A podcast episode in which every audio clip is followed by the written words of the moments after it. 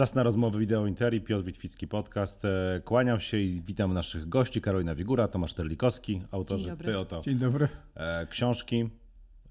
Wymyśliłem sobie kilka koncepcji na rozmowę e, z wami, natomiast jadąc, ponieważ rozmawiałem wczoraj z Karoliną, to nie jest tajemnicą akurat, pewnie algorytm, że tak powiem, nas usłyszał i od razu dostałem taki artykuł skonfigurowany. Pomyślałem pod tę rozmowę i pewnie on jest lepiej skonfigurowany niż wszystko to, co ja mogę wymyślić, więc Proszę bardzo, nagle objawił mi się na moim timeline klub jagielloński, który pisze tak. Dlaczego ludzie religijni są szczęśliwsi od ateistów? Mhm. Znaczy klub jagielloński ma generalnie kilka odpowiedzi, ale ponieważ wy tutaj toczyliście wielki spór, Polka ateistka kontra Polak katolik, to jaka jest wasza odpowiedź?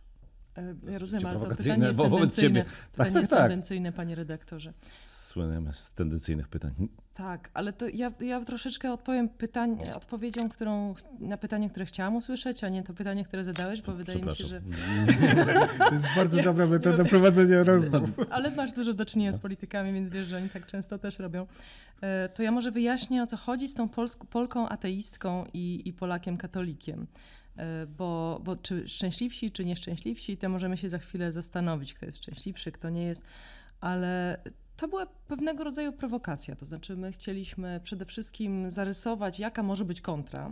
E, my się w bardzo wielu rzeczach nie zgadzamy. W związku z tym zapewne ta, ta, ta, to określenie, że jeden pogląd jest bardziej ateistyczny, czyli bez Boga osobowego, drugi pogląd jest katolicki, zatem związany z konkretnym rodzajem wyznania chrześcijańskiego, to jest tutaj bardzo istotne. Ale jednocześnie jest to do pewnego stopnia e, prowokacja, bo w końcu ani ja nie jestem takim rodzajem ateistki wojującej, czyli ateista, czyli ten, kto wojuje z Bogiem. Tak? To, to nie jest ten typ ateizmu u mnie. U mnie to jest raczej coś, co ja określam materializmem spinozjańskim, czyli taki rodzaj materializmu, który nie przyjmuje Boga osobowego, ale jednocześnie zakłada pewnego rodzaju duchowość, uduchowienie świata, które nas Jak miałbym tak upraszczać Spinozę, to rozumiem, że Bóg jest wszędzie.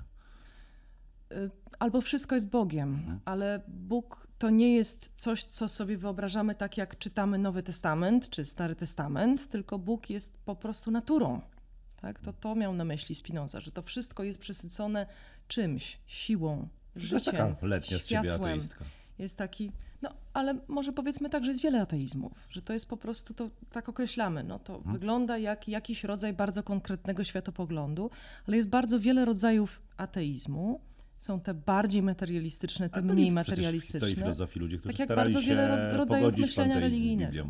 Znaczy jest panenteizm, no to jest jeszcze inna taka, taki nurt filozofii, który mówi, że rzeczywiście e, Bóg przenika wszystko, czy natura jest przeniknięta Bogiem, ale jest to coś jeszcze, coś poza. E, no i teraz jedni panenteiści powiedzą, że to jest jednak osobowa istota. E, oczywiście ze świadomością, że osoba znaczy trochę co innego niż osoba w przypadku człowieka.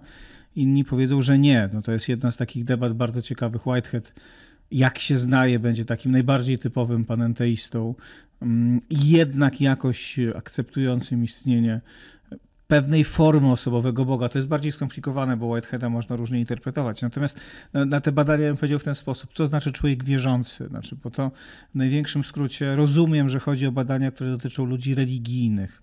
Natomiast mamy bardzo różne systemy religijne, to znaczy mamy systemy, w których ostatecznie kwestia wiary lub niewiary jest mniej, mniej istotna i nawet jak się dobrze przyjrzymy pewnym formom judaizmu, to oni powiedzą, ważne jest, czy praktykujesz, a nie czy wierzysz. To jest kluczowe, to znaczy, czy zachowujesz e, przykazania Tory. Jedni będą je bardziej intensywnie traktować, drudzy mniej. Jak się przyjrzymy buddyzmowi, w zależności od buddyzmu, no to w ogóle kluczowa będzie praktyka i doświadczenie, a nie wiara. Tam oczywiście występują pewne elementy sakralne, takie typowe, nawet bardzo liczne. No powiedziałbym, że czasem dużo bardziej liczne niż w chrześcijaństwie, ale ostatecznie kluczowe jest wyzwolenie się i doświadczenie. Jedni powiedzą nirwana, inni powiedzą w ogóle nibbany, ale to już zostawmy e, czego, czyli to doświadczenie wyzwolenia. I teraz jak się spojrzymy na islam, będzie jeszcze inaczej. Teraz no, generalnie e, te badania socjologiczne one się pojawiają w różnych miejscach, są też różnie wykonywane i na różnym Pytanie, poziomie. co to znaczy szczęście? Tak, ale generalnie, generalnie jest bardzo ciekawe, e, bardzo ciekawe zjawisko, które się bada na przykład w Niemczech. To znaczy, dlaczego młode Niemki etniczne, e, jakkolwiek by to nie brzmiało, z rodzin raczej no, zlaicyzowanych przechodzą na islam. Jest takie zjawisko, ono jest nawet no, oczywiście statystycznie nieistotne, ale dość liczne. No i dlaczego? Dlatego, że odnajdują w nim strukturę, która im porządkuje rzeczywistość. Tak? I czy one są szczęśliwsze? No to jest oczywiście pytanie o to, jak rozumiemy szczęście i jak, jak rozumiemy dobrze, dobre spełnione życie. Ale one na pytanie, czy są szczęśliwsze, odpowiedzą oczywiście tak. Bardzo podobnie odpowiadają e, młodzi Amerykanie, którzy z bardzo różnych miejsc e, życia przechodzą do bardzo ewangelikalnych i ściśle strukturyzujących życie wspólnot. I wreszcie tak samo odpowiadają tak zwani nawróceni, e, czyli młodzi Izraelczycy.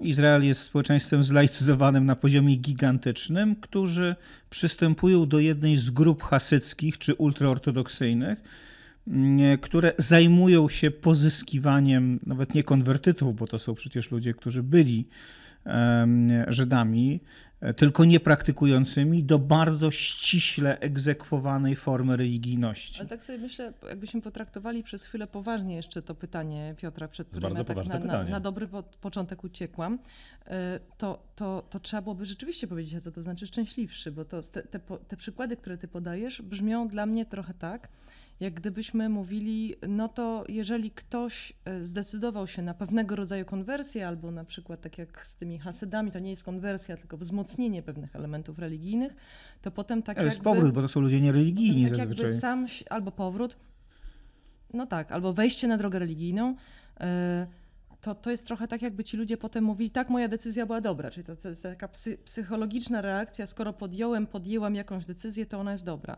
Ale tak naprawdę to rzeczywiście powinniśmy można, sobie... Nawet również o jej braku można tak mówić. Można, ale rzeczywiście powinniśmy sobie zadać pytanie, co to jest szczęście i czy w ogóle, bo ja muszę powiedzieć, że o tyle się czuję zdziwiona tę, tą tezą, że po pierwsze ona oczywiście jest, to jest po prostu tytuł i to jest pewnego rodzaju uproszczenie, każdy tytuł jest uproszczeniem, ale po drugie, wydaje mi się, że kategorie religii i niereligijności, czy wiary i niewiary są dla szczęścia nierelewantne. No, nie są tak naprawdę związane ze szczęściem, bo co, co właściwie mielibyśmy powiedzieć? Czy rytuały, czy to, że uczestniczymy w rytuałach bardziej albo mniej świadomie, czyni nas bardziej szczęśliwym? Czy nadzieja na to, że jest coś po śmierci, czyni nas bardziej szczęśliwym?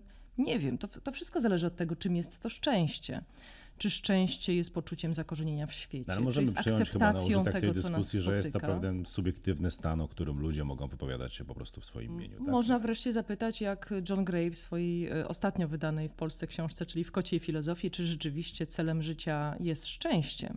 Może szczęście wcale nie jest celem życia. Może lepiej, żebyśmy na przykład chcieli żyć spokojniej. Może to jest lepsze, prawda? Więc to jest jakby. No, ale to wszystko zależy od definicji szczęścia jeszcze znowu, bo jakby to tak. jak się przyjrzymy Arystotelesowi i jego definicji ja jestem bardziej szczęścia, to. Czyli szczęście, czyli życie moralne, tak? Czyli że moralność, no szczęście, poczucie celu, to wszystko idzie razem. No dobrze, to jeszcze tak? inaczej. Ale wtedy tobie, wiara i niewiara inaczej, jest nierelewantna. Tobie ateizm daje szczęście? Znowu wydaje mi się, że to pytanie jest Tendencyjne, wiadomo. w tym sensie jest źle postawione. Kurde. Dlatego, że jeżeli Tomek powołał się na Arystotelesa, to jest mi bardzo bliskie. Tak? Czyli Arystoteles, czyli filozof y, starożytny grecki, który zakłada, że szczęście jest po, połączone z poczuciem własnego celu i z pewnego rodzaju zasadami dobro-zło. Tak? Jeżeli to wszystko się wiąże ze sobą, to jesteśmy wtedy szczęśliwi. Szczęśliwi jesteśmy życie, żyjąc życiem dobrym z tego punktu widzenia, czy wierzymy, czy nie wierzymy, nie jest istotne. Istotne jest to poczucie, wiedza, doświadczenie, Czyli nie trzeba wierzyć, świata. można praktykować, tak jak to mówiliśmy wcześniej. Nie, znaczy, to, nie, to, to, jest, to, to jest jedna z form religijnych, e, czy jedna z ważnych form religijnych, ale to nawet nie o to chodzi.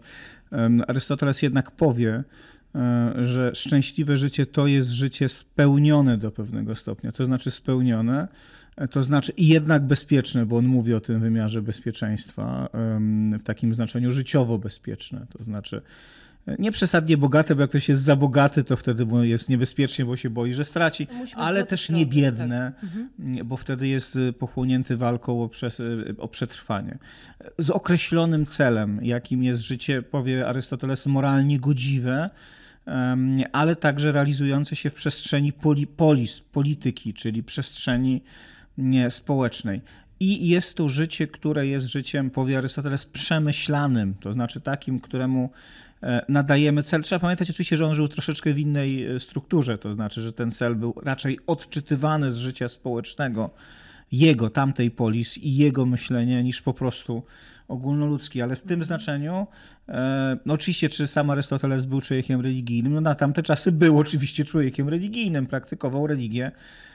Tamtych czasów ona była zupełnie inaczej y, interioryzowana, to znaczy zupełnie inaczej myśleli o niej ludzie współcześni niż my. Nasze myślenie o religijności i o wierze jest przeniknięte w naszej przestrzeni kulturowej jednak elementami chrześcijańskimi i postchrześcijańskimi. To znaczy, my o wierze, e, o religijności myślimy jak ludzie, którzy przeszli mm, albo sami są chrześcijanami, albo przeszli przez pewien rodzaj socjalizacji chrześcijańskiej. Grecy ten sposób nie myśleli. To był inny model. To znaczy, można było być religijnym Grekiem i uważać mity greckie, no powiedzmy sobie, za bzdurne. To znaczy, za ładne historyjki nie, dla, e, nie chcę powiedzieć dla ubogich, ale dla ludu, tak? dla tych, którzy nie są wystarczająco rozwinięci intelektualnie i była to autentyczna religijność, to znaczy to nie było takie sztrosowskie myślenie, że no dla plebsu potrzebna jest jakaś religia, żeby ich utrzymać w ryzach, no tylko to jakby było wewnętrznie spójne. No, trochę się zaczyna Można było nawet być skazanym za, za ateizm jak Sokrates. I, to już są dla mnie sygnały ostrzegawcze, że musimy zejść tych torów filozoficznych, bo za chwilę e, będziemy mieć ujemną, ujemną oglądalność, e, a to chyba jest nie niemożliwe, chciał. tak na ile... Chyba nie jest, nie jest możliwe, ale ja tylko powiem w takim razie, że w tej książce staraliśmy się bardzo rozmawiać ze sobą takim językiem, jakim codziennie ze sobą rozmawiają ludzie. To znaczy, to nie jest tak, że to, jest, że to są filozoficzne traktaty, ale ponieważ oboje mamy ze sobą studia filozoficzne, więc ci filozofowie są z nami. Oni są naszymi przyjaciółmi do pewnego stopnia. E, Ja w ten sposób zresztą rozumiem historię idei, która jest moją dziedziną. To znaczy, to jest rozmowa z tymi, którzy byli.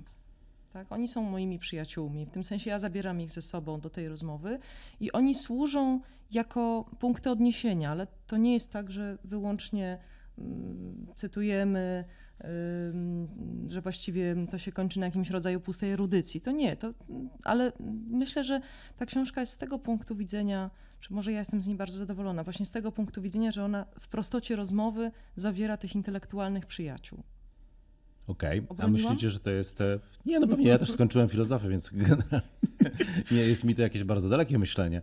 Ja bym pogadał z wami o Kancie, ale właśnie tak jak mówię, w obawie przed... e, Ujemną ujem- słuchalnością. Ja nie chętnie, nie przepadam. Siedziałaś w Niemczech i nie przepadasz za Kantem? No, To jest raczej. też ciekawy wątek. Em, Okej, a jesteście pewni, że to jest w ogóle podstawowy konflikt i linia podziału, która jest dzisiaj e, w Polsce, ateista kontra katolik? Że to jest jakby ten najważniejszy podział i to jest to, wokół czego toczy się dyskusja, bo mam duże wątpliwości. To jest bardzo ciekawe pytanie. Y, W powinieneś sformułować. Teraz nie uciekam. S- powinieneś sformułować wątpliwości, moim zdaniem, żebym ja mogła się do tego odnieść, ale e, wybieraliśmy takie tematy, a dla wszystkich Państwa, którzy jeszcze nie widzieli książki w środku, można powiedzieć, że tam są po pierwsze takie spory światopoglądowe typu aborcja, eutanazja, małżeństwa jednopłciowe, uczucia religijne. Ma, rozmawiamy też o polityce, jest rozdział o Kaczyńskim, jest rozdział o Tusku. E, bardzo ważne w roku wyborczym, wydaje mi się, bo teraz ten rok wyborczy będzie właściwie treścią naszego życia przez najbliższe kilka miesięcy. E, Potem jest parę takich tematów, e, na przykład rozmawiamy o ateizmie, który zapytałeś na początku. I na, na końcu jeszcze rozmawiamy o Kościele katolickim jako takim zwierciadle tego ateizmu, prawda? Z jednej strony ateizm, z drugiej strony Kościół katolicki. E, No i jeszcze o wojnie, bo ta wojna mm, rozpoczęła się gdzieś w samym środku naszych rozmów i chcieliśmy po prostu, żeby to miało, to miało odzwierciedlenie swoje w książce. To jest takie powiedzenie Natomiast- propos ateizmu, to ja ci teraz wejdę, że na wojnie no to jednak wszyscy zaczynają wierzyć. Hmm. No chyba tak jednak nie jest. Zależy w co. Ale w, w każdym razie odpowiadając jeszcze na twoje pytanie. y, To nie jest nowy podział. Polska bardziej liberalno-sekularyzowana kontra Polska bardziej konserwatywno-katolicka. To nie jest nowy podział. To jest podział, który ma w Polsce ze 200 lat tak naprawdę, taki światopoglądowy. W tym sensie tak, to jest samo sedno polskiego sporu, a jeszcze bardziej prawdopodobnie, jeszcze ważniejszym sednem polskiego sporu jest to, co robimy my, reprezentujący jeden światopogląd lub drugi światopogląd, wtedy, kiedy ten drugi przegrywa na przykład w polityce. Czy wyrzucamy tych drugich, mówię w cudzysłowie, na księżyc, czy staramy się stworzyć razem z nimi wspólne państwo? To ja bym powiedział y, bardziej przyziemnie teraz, politycznie bardziej i partyjnie. To znaczy, oczywiście jest tak, że znajdziemy ateistów i katolików po wszystkich stronach bardzo ostrego y, polskiego sporu. To nie jest tak, że po jednej stronie politycznej są ateiści, a po drugiej są My katolicy. tego trochę nie doceniamy ale, na co dzień, wydaje mi się. ale politycy obu stron robią wszystko, nie wszyscy oczywiście, bo są partie, które próbują się określać między, ale te dwie główne, żeby tą oś sporu zarysować w ten sposób. Kiedy Jarosław Kaczyński mówi e, albo katolicyzm, albo nihilizm, to on w gruncie rzeczy mówi albo PiS, Tak, tak, tak. albo nihilizm. Ale kiedy politycy Platformy mówią, wypowiemy konkordat, wyrzucimy katechezę ze szkół e, i przywrócimy państwo świeckie, co w ich języku oznacza w gruncie rzeczy laicyzm w wersji francuskiej, a nie laicyzm w jakiejś paneuropejskiej wersji, bo jej nie ma, one są różne te laicyzmy, to mówią w gruncie rzeczy, my jesteśmy tą stroną laicką i wykluczymy tą drugą. I teraz czy to jest prawda o tym, co dzieli ludzi tak naprawdę na poziomie podstawowym? Nie, ale to jest prawda o tym, co budzi lęki. Jak się rozmawia z ludźmi głęboko zaangażowanymi religijnie, e, z różnymi poglądami, to oni słusznie lub niesłusznie, z lękami się nie dyskutuje, realnie mają taką obawę, że za chwilę zostaną pozbawieni pod- podstawowych praw religijnych. To jest obawa idiotyczna, absurdalna, ale ona jest. No, a ty też taką miałeś przecież. A ja też taką temu, miałem. no to- Z drugiej strony mamy grupę ludzi, którzy mają cały czas obawę, że słabnący, moim zdaniem słabnący błyskawicznie i tracący znaczenie Kościół katolicki będzie przez kolejne dziesięciolecia odbierał im wszystkie podstawowe mm, prawa mm, i obowiązki. I teraz tak, czy to jest lęk mm, prawdziwy? Moim zdaniem nie, ale znowuż to nie jest mój lęk, więc i nigdy nie był moim lękiem, więc ja nie będę się pod nim podpisywał.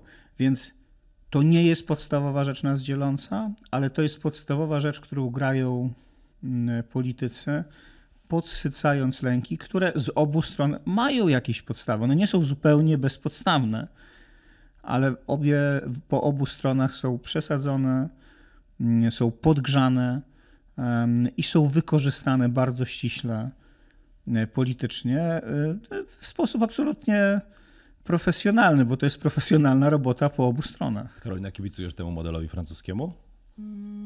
Uważasz, że to powinno iść w tę Modelowi stronę? laickiemu. Tak, ja to mówię w którymś Znaczy w wersji francuskiej, laickiemu w wersji francuskiej. Mhm. Byłoby bardzo bliskie moim poglądom, ale z drugiej strony ja nie sądzę, żeby to w Polsce było możliwe, dlatego że my nie mamy takiej tradycji. E, Jacques Le Goff, e, wybitny francuski socjolog, zapytany kiedyś o to, kiedy się zaczyna współczesność francuska, powiedział w 1789, czyli z, z, z, wybuchem rewolucji francuskiej. Teraz francuskie laïcité ma praktycznie tyle lat, myślenie o francuskim laïcité ma pra- praktycznie tyle samo lat. My w ogóle w ten sposób się nie rozwijaliśmy. Podczas gdy Francja rozwijała swoje laïcité, my nie mieliśmy własnego państwa, w związku z tym Kościół katolicki, jak to ładnie kiedyś określił Jarosław Kuisz, był takim kołem zapasowym, państwem zapasowym de facto. Czyli Kościół katolicki ma bardzo ważną rolę w tym społeczeństwie w sensie historycznym.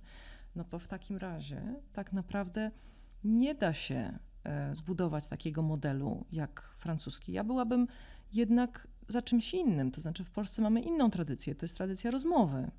Prawda? To jest y, to, co mm, my, większość z nas uczyła się w szkołach, że to było y, okropne wynaturzenie, czyli to liberum veto. Ale czym było liberum veto na samym początku w swoim źródle? W swoim źródle liberum veto było ugadaniem się, dodyskutowaniem rzeczy tak długo, aż w końcu wszyscy się zgadzali. Aż w końcu nie było tego jednego, który krzyczał liberum veto, prawda? To było w punkcie wyjścia, czyli w punkcie wyjścia my jesteśmy społeczeństwem, owszem, bardzo gorącym, prawdopodobnie dyskutującym w niesłychanie gorący sposób, ale zdolnym do tego, żeby do, na końcu dojść do kompromisu.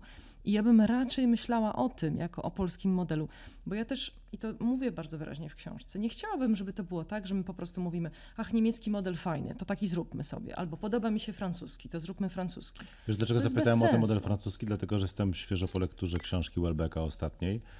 e, to może tym, którzy nie czytali, e, no, generalnie polecam. Natomiast e, no, tam wydaje mi się, że gdzieś on, e, to już jest taki kolejny e, element budowania jakiegoś chyba coraz bardziej spójnego światopoglądu. On gdzieś z pozycji ateistycznych, pewnie sprzed kilkunastu lat właściwie, jak się czyta tę ostatnią em, książkę, to właściwie mam takie wrażenie, że on gdzieś tam po cichu kibicuje Le Pen. E, no, kibicuje bardzo tak, narodowym on- nastrojom i właściwie nie widzi, a może nawet nie widzi specjalnie alternatywy wobec nich. I zastanawiam się, czy taki model nie prowadzi do jakiejś wersji, mm, Boże, ateistycznego, narodowego odłamu. No tak, ale to. Francuz, Francuzi mają już to doświadczenie.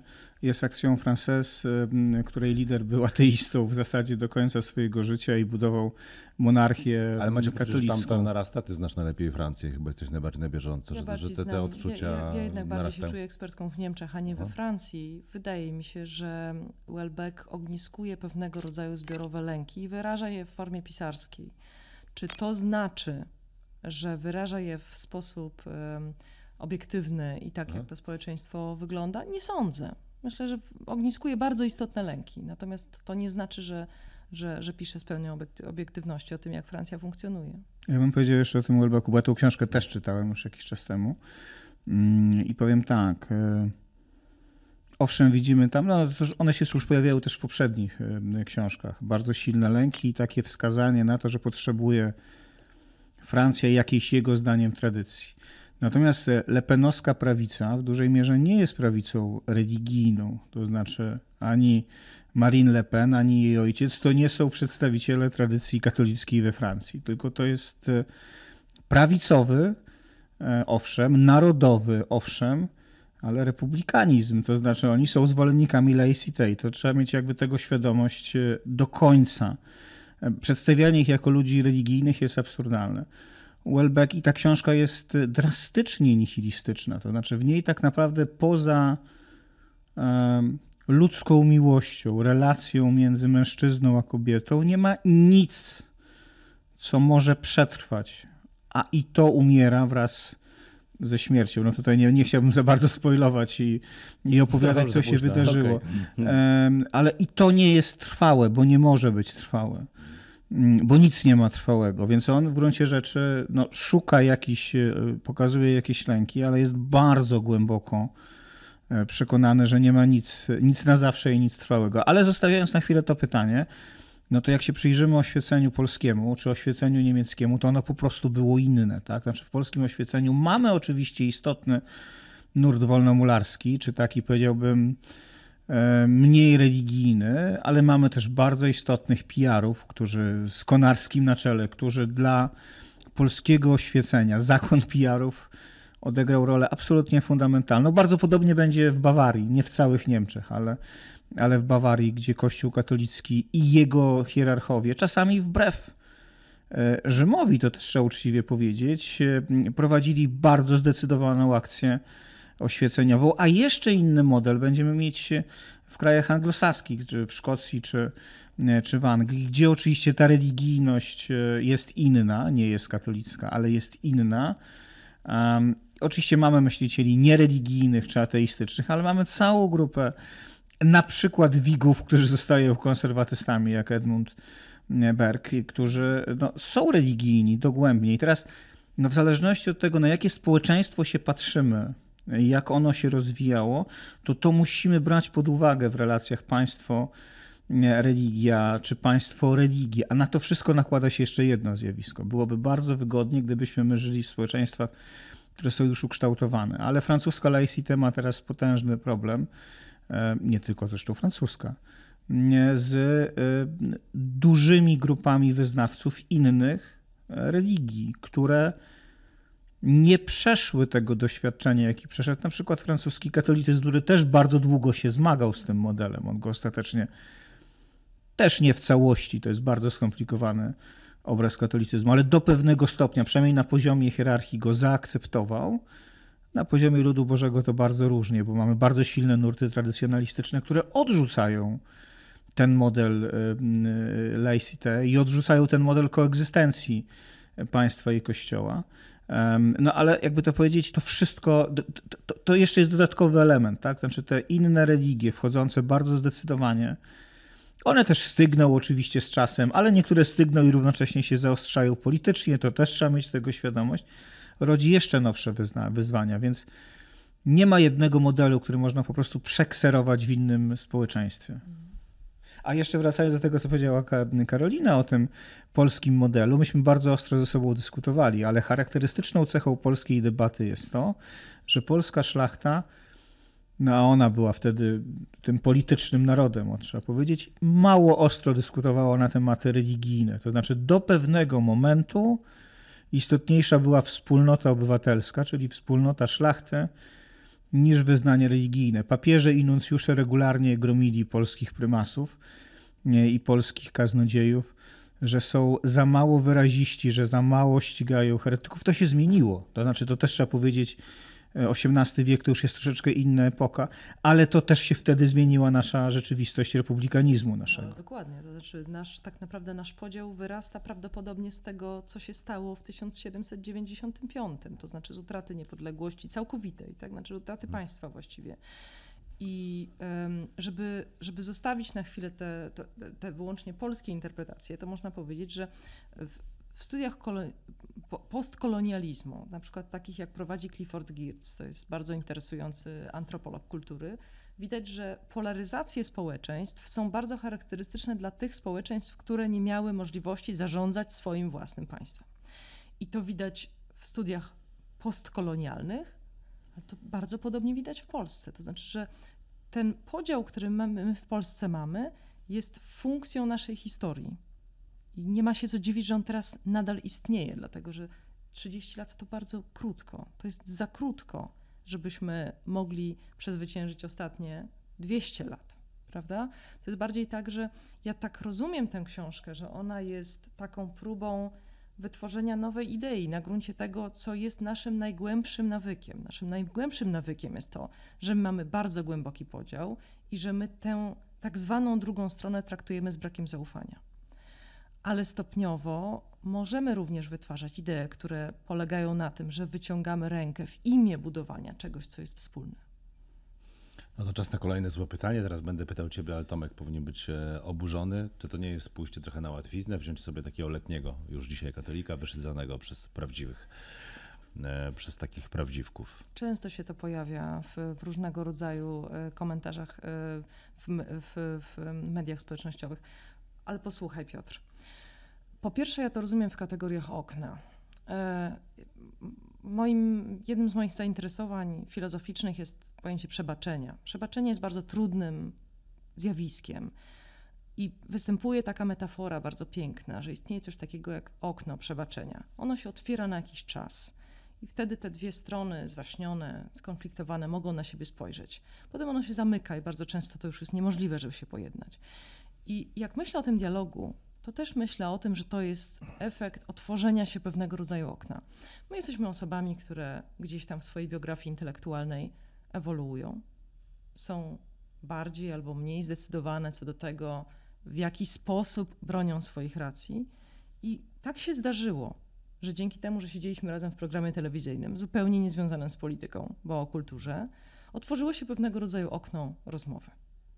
Tak? Pierwszym, naszym, pierwszym naszym dialogiem zresztą był ten, który tutaj wchodzi w, te, w tej książce gdzieś tam na końcu, to znaczy rozmowa o ateizmie i o książce Johna Greya Siedem typów ateizmu. To była dosyć ciekawie ustawiona e, rozmowa, bo to ja pytałam Tomka o ateizm, a nie on mnie. Zresztą hmm. potem w książce następuje odwrócenie, kiedy to Tomek pyta mnie o Kościół katolicki, a nie ja Tomka o, o Kościół katolicki, więc to, to było interesujące. I ta rozmowa wyszła tak ciekawie, tak wiele dostaliśmy różnych y, komentarzy, że to świetne, to znakomite, że ostatecznie padł pomysł, żeby napisać taką książkę. Więc w pewnym sensie ja trochę nie rozumiem tego, tego zarzutu o letniość. Szczególnie, znaczy, że można go moim zdaniem że... formułować, dopóki się książki nie przeczyta. Ale jakbyś rozmawiała książka... z Terlikowskim sprzed e, kilkunastu lat, no to byłoby. Tylko, że Terlikowski sprzed kilkunastu lat rozmawiał ze wszystkimi wtedy również. Czy to jest. To prawda, to tego nigdy jakby nie odmawiam, e, ale no jednak mamy taką sytuację, no bo mm, moja pierwsza obawa mm, przed tą książką, jak zobaczyłem jeszcze w Twoich mediach społecznościowych, że zaczyna się promować, jeszcze jej nie czytałem wtedy, e, to pomyślałem sobie, o, będą się pięknie różnić.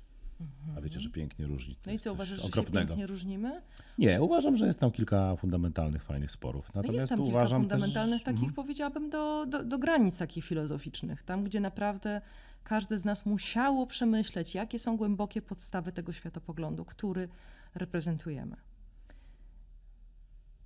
Znaczy, y, nie, się trudno dyskutować na temat tego, czy jestem miękkim i letnim katolikiem, czy nie.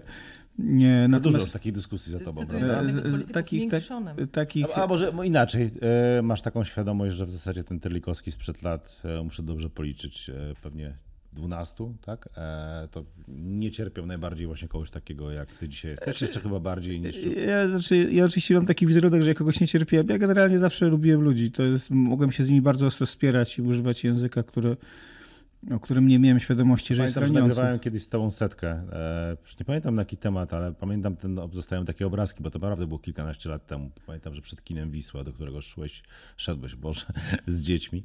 E, I e, pamiętam, że zacząłeś się drzeć na hierarchów. Na hierarchów darłem się zawsze. To nic nie zmieniło. To jest- wow. No to jest- To e, to jest też wyraz pewnego choleryzmu. Natomiast e, hierarchów zostawmy, bo akurat moje relacje z hierarchią Kościoła są od bardzo dawna trudne. Myślę, że od czasów sprawy arcybiskupa Wilgusa. To jest e, pierwsza, w której świadomie uczestniczyłem i która świadomie, znaczy uczestniczyłem świadomie we wcześniejszych również, ale ta przyniosła realne skutki, za które, za które część jest Nie, tu, wdzięczna, tu część jest sprawa jest niewdzięczna. jasna. No, tu jesteśmy wdzięczni. I teraz, Mam na i teraz, myśli późniejsze i teraz, I teraz e, zostawiając to na boku, natomiast em, na, moż, na naszych oczach tak, coś, e, coś się bardzo głęboko zmienia. Tak? Znaczy ja byłem urodzony i wychowany w pewnej formie kościoła i kościelności, która była moją formą kościoła i kościelności. I teraz, kiedy człowiek widzi, jak ona się rozpada, I kiedy widzi, jak zanim się rozpadła, jeszcze w czasie swojej potęgi, głęboko krzywdziła ludzi, a ja takiego doświadczenia, takie doświadczenie mam za sobą.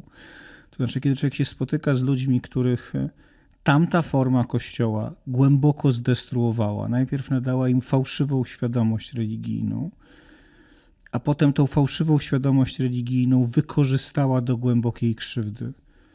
Do czegoś, e, z czym sobie jest bardzo trudno wiesz, ludzie poradzić. są grzeszni. Tak, tak tylko, że, dalej. tylko że tu właśnie mówimy nie o ludziach. To znaczy, to jest pewien problem. To znaczy, że wiele z tych rzeczy mogło się dziać, dlatego że istniał pewien system, system, który sam siebie zsakralizował.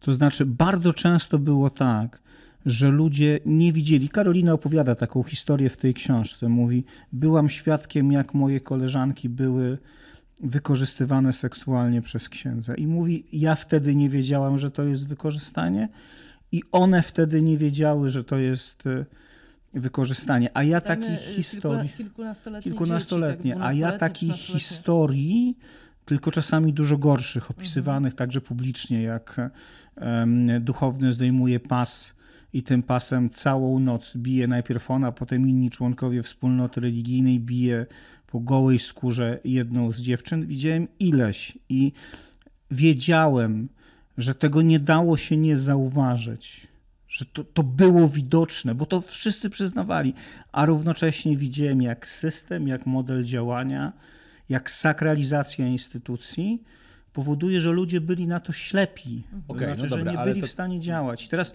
Propos, propos tego, bo tak staram sobie to wyobrazić, to wszystko, czy ty pamiętasz jakiś taki jeden na przykład wieczór, że po takich rozmowach wracasz do domu, siadasz mówisz, no, no nie, no tego się nie da obronić po prostu. Jakby Znaczy, nie, pęka w tobie. czy- nigdy, czy to nigdy nara- nie ma jednego takiego momentu. To znaczy, to bardzo rzadko jest Nie, tak. Że... Mówisz do żony, no kurczę, no nie, znaczy, że narasta coś w tobie, myślisz o czymś, nie możesz przez coś Nie, spać, znaczy nie ma jednego mówisz, no, momentu. Było bardzo, to, to był długi proces połączony i on cały czas trwa, dlatego że kolejne elementy tego systemu wychodzą, kolejne rzeczy widać coraz lepiej. I y, kolejne rozmowy z ludźmi powodują, że widzi się go coraz lepiej. Musisz wiedzieć jeszcze jedną rzecz. To jest trochę tak, że jak człowiek zaczyna się zajmować tą kwestią w kościele, to ludzie zaczynają do niego przychodzić, e, opowiadać kolejne historie. To jest tak, że człowiek czasem by chciał powiedzieć: Ja mam już dosyć, ja już nie chcę tego słuchać, chcę się zająć czymś innym. Po czym następnego dnia jest telefon i ktoś prosi o spotkanie, idziesz na to spotkanie i słyszysz kolejną opowieść. I można by powiedzieć, można się, że można się jakby zaszczepić na to, że po 50 historii człowiek myśli, a już to słyszałem. Nie, bo za każdym razem widzisz osobę, której życie zostało w jakiś sposób, bardzo często różny, zdestruowane i to nie tylko przez samo to wydarzenie, tylko także przez to, że przez lata wmawiano jej, że jest współwinna. Ja całkiem niedawno miałem taką rozmowę z pewną osobą, która do mnie mówi, kiedy przyszłam do przełożonych e, księdza, który mnie głęboko skrzywdził, usłyszałam, jesteś współwinna. Mhm.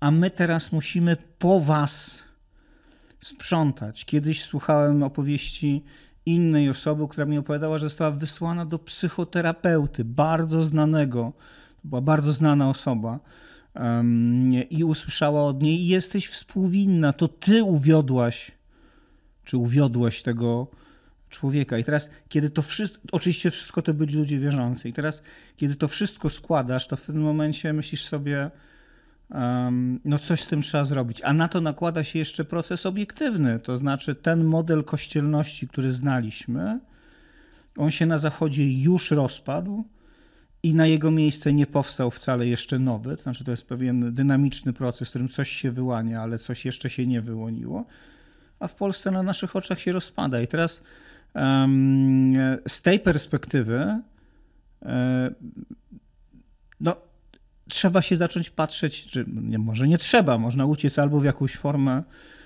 nie, niewidzenia, nie chcę tego widzieć i bronię tego, co było, ale ja tak nie potrafię.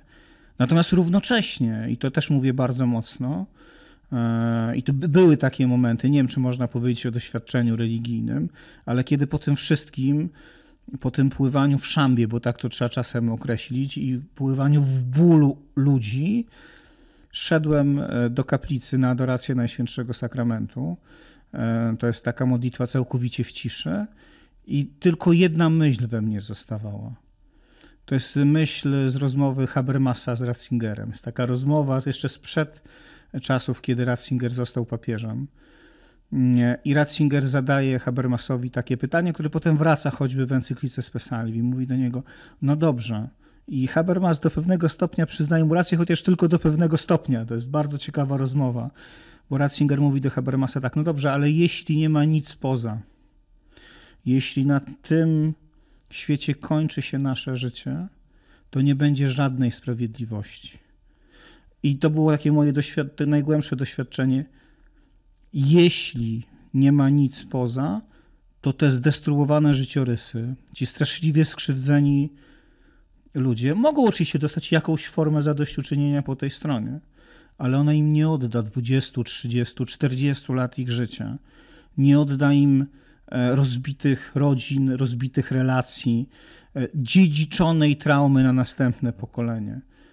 To jest, e, to tylko jakiejś przestrzeni poza może zostać uzdrowione. I oczywiście znam całą argumentację Iwana Karamazowa z braci Karamazow, który mówi, co to jest za sprawiedliwość. Ale jeśli nawet takiej nie ma, to nie ma żadnej. I to jest ten moment, w którym, w którym człowiek występuje wychodzi czasem przeciwko instytucji, która go wychowała i jest traktowany przez nią jako zdrajca. Przeciwko instytucji, a dotknęło to fundamentów twojej no wiary. No właśnie mówię, ale jeśli chodzi o fundamenty, to znaczy o to, jeśli chodzi o relacje e, z Bogiem, to nie. To znaczy zupełnie inaczej teraz czytam Ewangelię. Czytam ją i widzę Jezusa, który wychodzi i przecież z kim on się zderza. To jest fascynujące, jak się czyta Ewangelię. On się nie zderza z grzesznikami, on się nie zderza z Rzymianami, on się nie zderza z władzą, on się zderza z władzami religijnego, religijnymi swojego czasu. Kogo nazywa grobami pobielanymi? Najpobożniejszych ludzi swoich czasów, czyli faryzeuszy, e, czyli uczonych w piśmie i czyli kapłanów. I kto ostatecznie wydaje go w ręce władzy państwowej, bo to Piłat go skazuje na śmierć, o czym się często zapomina, ale wydają go liderzy religijni tamtych czasów. I teraz e, Fundamentów nie. Natomiast e, no na tych fundamentach albo obok nich zbudowano pewien, pewną budowlę. No i ona na moich oczach, także we mnie się rozpada, nie tylko na moich oczach, ale także we mnie się rozpada. Czy to dotyka fundamentów? Niekoniecznie, bo y, jeśli, no też to, to, to z tych rozmowach wynika, jeśli się pytasz, czy wierzę w Boga, to powiedziałbym chyba nigdy tak bardzo jak teraz, ale to wcale nie oznacza, że nie mam świadomości, jak y, groźną siłą, znaczy no to jest, y, y, Rudolf Otto powie, że e, religia jest tremendum et fascinosum, tak? Znaczy jest fascynująca, ale też jest groźna, więc w każdej religijności jest ten potencjał e, budujący, ale jeśli ten potencjał pójdzie w złym kierunku, to to jest potencjał niszczący mhm. i mogący zniszczyć człowieka do, jakby do trzewi i, i o tym też trzeba pamiętać. To taki obrazek wam teraz e, sprzedam i chciałbym, żebyście się do niego odnieśli. E, poszedłem na festiwal muzyki elektronicznej e, w jednym z europejskich miast, już nie będę mówił w jakim, żeby nie brnąć w tę ulicę. Jestem w tę uliczkę, jestem na tym festiwalu, słucham sobie muzyki, jest taka dość, no, jak to na festiwalu muzyki elektronicznej, specyficzna atmosfera industrialna i nagle orientuję się, że ten festiwal odbywa się gdzie? W miejscu, które kiedyś było kościołem. Jak e, podchodzicie do takich obrazków i czy to zacznie dziać się w Polsce? To już się zaczęło dziać w Polsce. to nawet się wydarzyło, tak, tak. E, to już się wydarzyło. E, no, może powiedzmy tak, że jesteśmy w bardzo głębokim procesie sekularyzacyjnym. Kościół katolicki znajduje się z wielu przyczyn w kryzysie. O części tych przyczyn mówi Tomek, kiedy mówi o kondycji moralnej Kościoła jako instytucji. To jest, to jest jakby raz i wydaje mi się, że trzeba temu oddać słuszność. Druga sprawa, e, węgierski e, politolog Janusz Kisz napisał kiedyś esej o transparentności w polityce i napisał, że transparentność, to, że dzisiaj możemy obserwować polityków, możemy widzieć ich romanse, możemy dowiadywać się, często bardzo, bardzo brzydko są podsłuchiwani na przykład, ale my się dowiadujemy o tym, jak wygląda ich mhm. życie prywatne tak naprawdę. Czy oni mówią szczerze, kiedy oddają cześć jakimś ideałom, czy też po prostu prowadzą pewną dwulicową grę. I że ta transparentność zniszczy politykę, jaką znamy.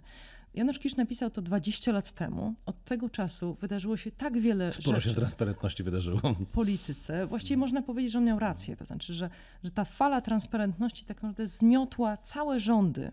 E, żeby było ciekawiej, często było tak, że wcale nie zastąpiły ich rządy lepsze.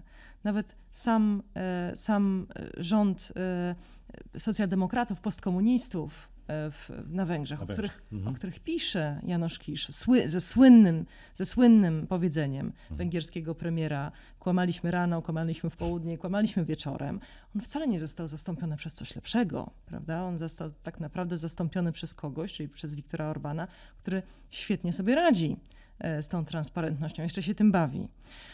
Ale to, czego jeszcze wtedy nie widział Janusz Kisz, to jest to, że tak naprawdę ta transparentność zmiata, przetacza się jak taka lewina po wielu instytucjach naszego życia i Kościół jest jedną z nich. To znaczy, tak jak e, przypuszczam, że trochę rozmawialiśmy o tym, że ludzie nie widzieli. Częściowo ludzie nie widzieli, a częściowo przypuszczam, że było dokładnie tak jak ze, sfer, ze, ze, z historią z mitu. Częściowo widzieli i częściowo mówili, ale nikt nie słuchał. Nikt nie uważał tego za wiarygodne. I to, co się stało wraz ze zmianą naszego świata, jaką przyniosły media społecznościowe, to jest to, że te jednostki, które mówią, zaczęły być słyszane. To znaczy, y, bardzo często mówimy o tym, że to może jest niedobrze, że już nie ma autorytetów, że nie ma tak zwanych gatekeeperów, czyli strażników bramy i to wszystko przyniosły media społecznościowe. Ale one przyniosły jeszcze coś innego. To znaczy, że jednostka ma potencjalnie równie silny głos jak jakaś bardzo duża instytucja. I to się przytacza nie tylko przecież w Polsce. Tak naprawdę Polska jest jednym z ostatnich krajów, gdzie Kościół katolicki przechodzi tę olbrzymią zmianę związaną z transparentnością. No i tak. I jeśli pytasz o, o te świątynie zamienione na domy e, koncertowe, na kawiarnie, na księgarnie, Tak. to to się również będzie prawdopodobnie działo do pewnego stopnia w Polsce. Odpowiem innym obrazem. E, Te wakacje spędzałem między innymi w Saksonii, w związku z tym jeździłem e, i okolicach, jeździłem e, także po miejscach związanych z reformacją. I między innymi odwiedziliśmy miejsce, z którego w sw- w swoją drogę wyruszyła Katarzyna von Bora, czyli żona, późniejsza żona Marcina Lutra. To był klasztor sióstr, do którego ona trafiła jako no do pierwszego trafiła jako sześciolatka, do drugiego trafiła jako trzynastolatka, jako czternastolatka złożyła pierwsze śluby, jako e, dwudziesto mniej więcej latka uciekła z niego wraz z grupą innych sióstr i trafiła do Wittenbergi, gdzie jakiś czas potem została żoną nie z wielkiej miłości, z wielkiego rozsądku Marcina mm, Lutra. Potem była bardzo, oni się potem bardzo, byli bardzo kochającym się małżeństwem, a to oczywiście inny kontekst kulturowy, ale to zostawmy. Stałem e, w ruinach tego, mm, tego klasztoru nieopodal mm, Lipska. E, I to już były ruiny. To już były ruiny od 300-400 lat, bo ten klasztor przestał istnieć kilkanaście lat później, skasowała go reformacja. Akurat kiedy tam podjechaliśmy z żoną i z dziećmi, żeby go zobaczyć, to w środku odbywała się sesja ślubna. To znaczy, no, ktoś wziął ślub i przyjechał sobie zrobić piękne zdjęcia na tle postcysterskiego klasztoru. Takich klasztorów w Niemczech, ale również w Irlandii z zupełnie innych powodów. W Irlandii, to trzeba o tym pamiętać, są setki. Pewien model życia religijnego w Niemczech, w tych księstwach i miejscach, gdzie zapanowała reformacja, przestał istnieć. On się potem odradzał, ale bardzo powoli w zupełnie innym miejscu. Na naszych oczach dokonuje się bardzo podobne zjawisko. Mówiłem o klasztorach, które przestały istnieć w Irlandii, ale ja byłem w takim klasztorze, który jeszcze lat temu 30 był, y, no już trudno powiedzieć 30 tętniącym życiem, ale był klasztorem sióstr y, Klarysek.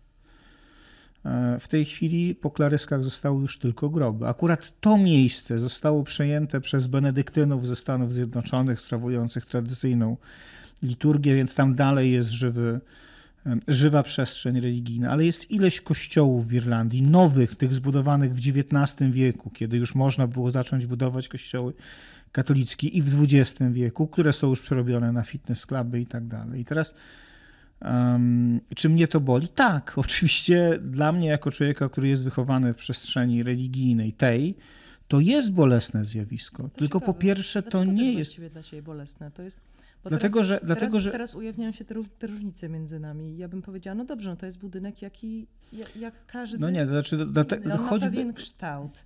I oczywiście rozumiem, że istnieje coś takiego jak, jak poświęcenie danej budo- budowli, ale z drugiej strony, gdy nie jest już potrzebna, może, no tylko to jest troszeczkę bardziej skomplikowane. Są takie religie, które tak powiedzą. E, Są takie religie, które tak powiedzą. Synagoga. Bolesne jest to, że już nie jest potrzebna. tych Bolesne jest to, że już No. nie jest potrzebne, Ale to tylko po z pierwsze. punktu widzenia osoby wierzącej. No dobrze, ale ja teraz mówię jako osoba wierząca, więc to jest jakby druga rzecz, to, że wysiłek, ból, radość ludzi, którzy tam przynosili swoje czasami najgłębsze bóle, potrzeby, emocje i przeżywali najpiękniejsze i najtrudniejsze chwile swoje, swojego życia, no to to przestaje już funkcjonować jako to miejsce. To znaczy nie masz już gdzie wrócić. Jak, jak, jak, jak mam, jak mi jest źle, mogę zawsze pójść to jest jeden z warszawskich kościołów, wciąż jest i żywy i mam nadzieję, że taki będzie, w którym byłem chrzczony, przyjmowałem pierwszą komunię, potem byłem bierzmowany, a na koniec jeszcze ślub wziąłem w tym, mm, w tym miejscu i, i, i regularnie w nim jestem na mszy świętej w tygodniu. E, Mogę do niego wrócić, tak? Znaczy jakby to, jest takie miejsce, w którym w którym odkrywam na nowo y, swoje korzenie. Ale gdyby to miejsce zostało przerobione na bar, e, no to oczywiście byłoby to dla mnie bardzo trudne, emocjonalne doświadczenie. I teraz, jakby jak jestem w Irlandii i widzę te miejsce, ja mam świadomość drastycznej historii i trudnej historii katolicyzmu w Irlandii, to myślę, że było ileś osób, które miało bardzo podobne doświadczenia. Patrzy się na miejsce, w którym było chrzczone, bierzmowane, w którym brało ślub, w którym chowało swoich rodziców, a czasem swoje dzieci i widzi, że tego miejsca już tak naprawdę nie ma, została bryła z zewnątrz. I To jest to jest ten. ciekawe, co mówisz w takim sensie, gdyby to ująć w troszeczkę szerszych kategoriach, to znaczy, że tak naprawdę nie chodzi o to jednostkowe doświadczenie, o którym ty mówisz, nie tylko o nie chodzi, tylko także chodzi o to, jak szybko zaczął się zmieniać nasz świat. I być może ta temperatura sporu wokół pewnych tematów w Polsce, może też w przyszłości tej desakralizacji kościołów, ona wiąże się też częściowo z tym właśnie, o czym ty mówisz, że ty możesz zawsze wrócić, ale naszą rzeczywistością społeczną jest to, że my coraz mniej możemy wrócić. To znaczy jest coraz mniej takich miejsc. Ale wiesz, to, które ty mówisz to jest pamiętamy szybko. A ja pamiętam taką dzieciństwa. rozmowę z pewnym biskupem ewangelickim, który mi opowiadał, notabene nie pochodzącym z tamtego regionu, opowiadał mi o doświadczeniu ewangelików w Trójmieście, dokładnie w Gdańsku i w Sopocie. I on mówi do mnie, panie Tomku, ja chodzę po tym mieście i większość kościołów, starych kościołów katolickich, to są kościoły ewangelickie, czy poewangelickie. One przed wojną należały do ewangelików. Nam został jeden najmniejszy kościółek w Sopocie, śliczny, ale, e, ale jeden najmniejszy. I przecież to nie jest jego osobiste doświadczenie, bo on jest w ogóle z innego regionu, nigdy nie miał nic wspólnego z gdańskim, tamtym, ówczesnym, bo z tym już ma, ale z tamtym nic wspólnego. Ale w nim jest pewne doświadczenie niesione wspólnotowo, e, doświadczenie, które on dziedziczy i które dla niego jest pewnym no, pewnym bólem, pewnym problemem, Tak, pewnym doświadczeniem, które on niesie. No, ze sobą. Nowoczesność jest zmianą. i, e, różnymi I teraz jakby o tym, o tym mówię. I to jest z tej perspektywy to jest trudne doświadczenie. Natomiast oczywiście to nie jest doświadczenie. Nowe pokolenia e, wcześniejsze także stawały wobec takich wyzwań. Ja niedawno byłem em, na, e, na Podlasiu i tam jest takie miejsce, w którym też stoi kościół, który został zburzony w czasie I wojny światowej, w czasie bombardowań i nie odbudowano go, a w czasie II wojny światowej doburzono go jeszcze bardziej, świątynię wzniesiono obok. Więc te doświadczenia utraty są obecne. I teraz dla mnie najciekawszym pytaniem nie jest to, czy to się zmieni, bo to się zmieni. Znaczy, te kościoły będą laicyzowane. My, my wchodzimy w podobny etap, jak wszedł kościół niemiecki kilkanaście lat temu. Kościół niemiecki po II wojnie światowej przeżywał z różnych powodów y, ogromne odrodzenie. To znaczy budowano setki nowych parafii, nowych kościołów, bo były takie potrzeby, które potem 20, 30, 40 lat później zaczęto zamykać, bo nie było już księży i nie było wiernych. I polski kościół też wejdzie w taki etap, bo w latach 70., kiedy komuna troszeczkę poluzowała, a biskupi nauczyli się obchodzić ograniczenia komuny, także budowano setki nowych kościołów. Jakim one są w stylu, to zostawiam. Czasem są w dramatycznym i czasem nawet lepiej, jak się je przerobi na skocznie, bo to jest obraza dla estetyki. Ale też rozumiem emocje z nimi związane, ludzkie, ludzi, którzy budowali te kościoły, którzy e, uczestniczyli w walce o nie. To są, to są też bardzo istotne emocje. Więc też wejdziemy w ten etap, ale mnie bardziej ciekawi, co będzie później. To znaczy, bo to, że coś będzie, jakaś forma religijności, nawet jeśli ona będzie dużo bardziej spluralizowana i nawet jeśli będzie żyła w świecie, który w innych aspektach będzie laicki, to dla mnie jest jasne, że to będzie, ale jakie to będzie, to jest też fascynujące. Dziękuję Wam pięknie za Dziękujemy. poświęcony czas, tę rozmowę. Więcej mm, takich rozmów, takich dialogów e, w tej oto książce. Ja Wam pokażę jeszcze raz, bo warto zajrzeć. Dziękuję pięknie. Karolina Wigura, Tomasz Terlikowski. Bardzo dziękuję. Dziękujemy.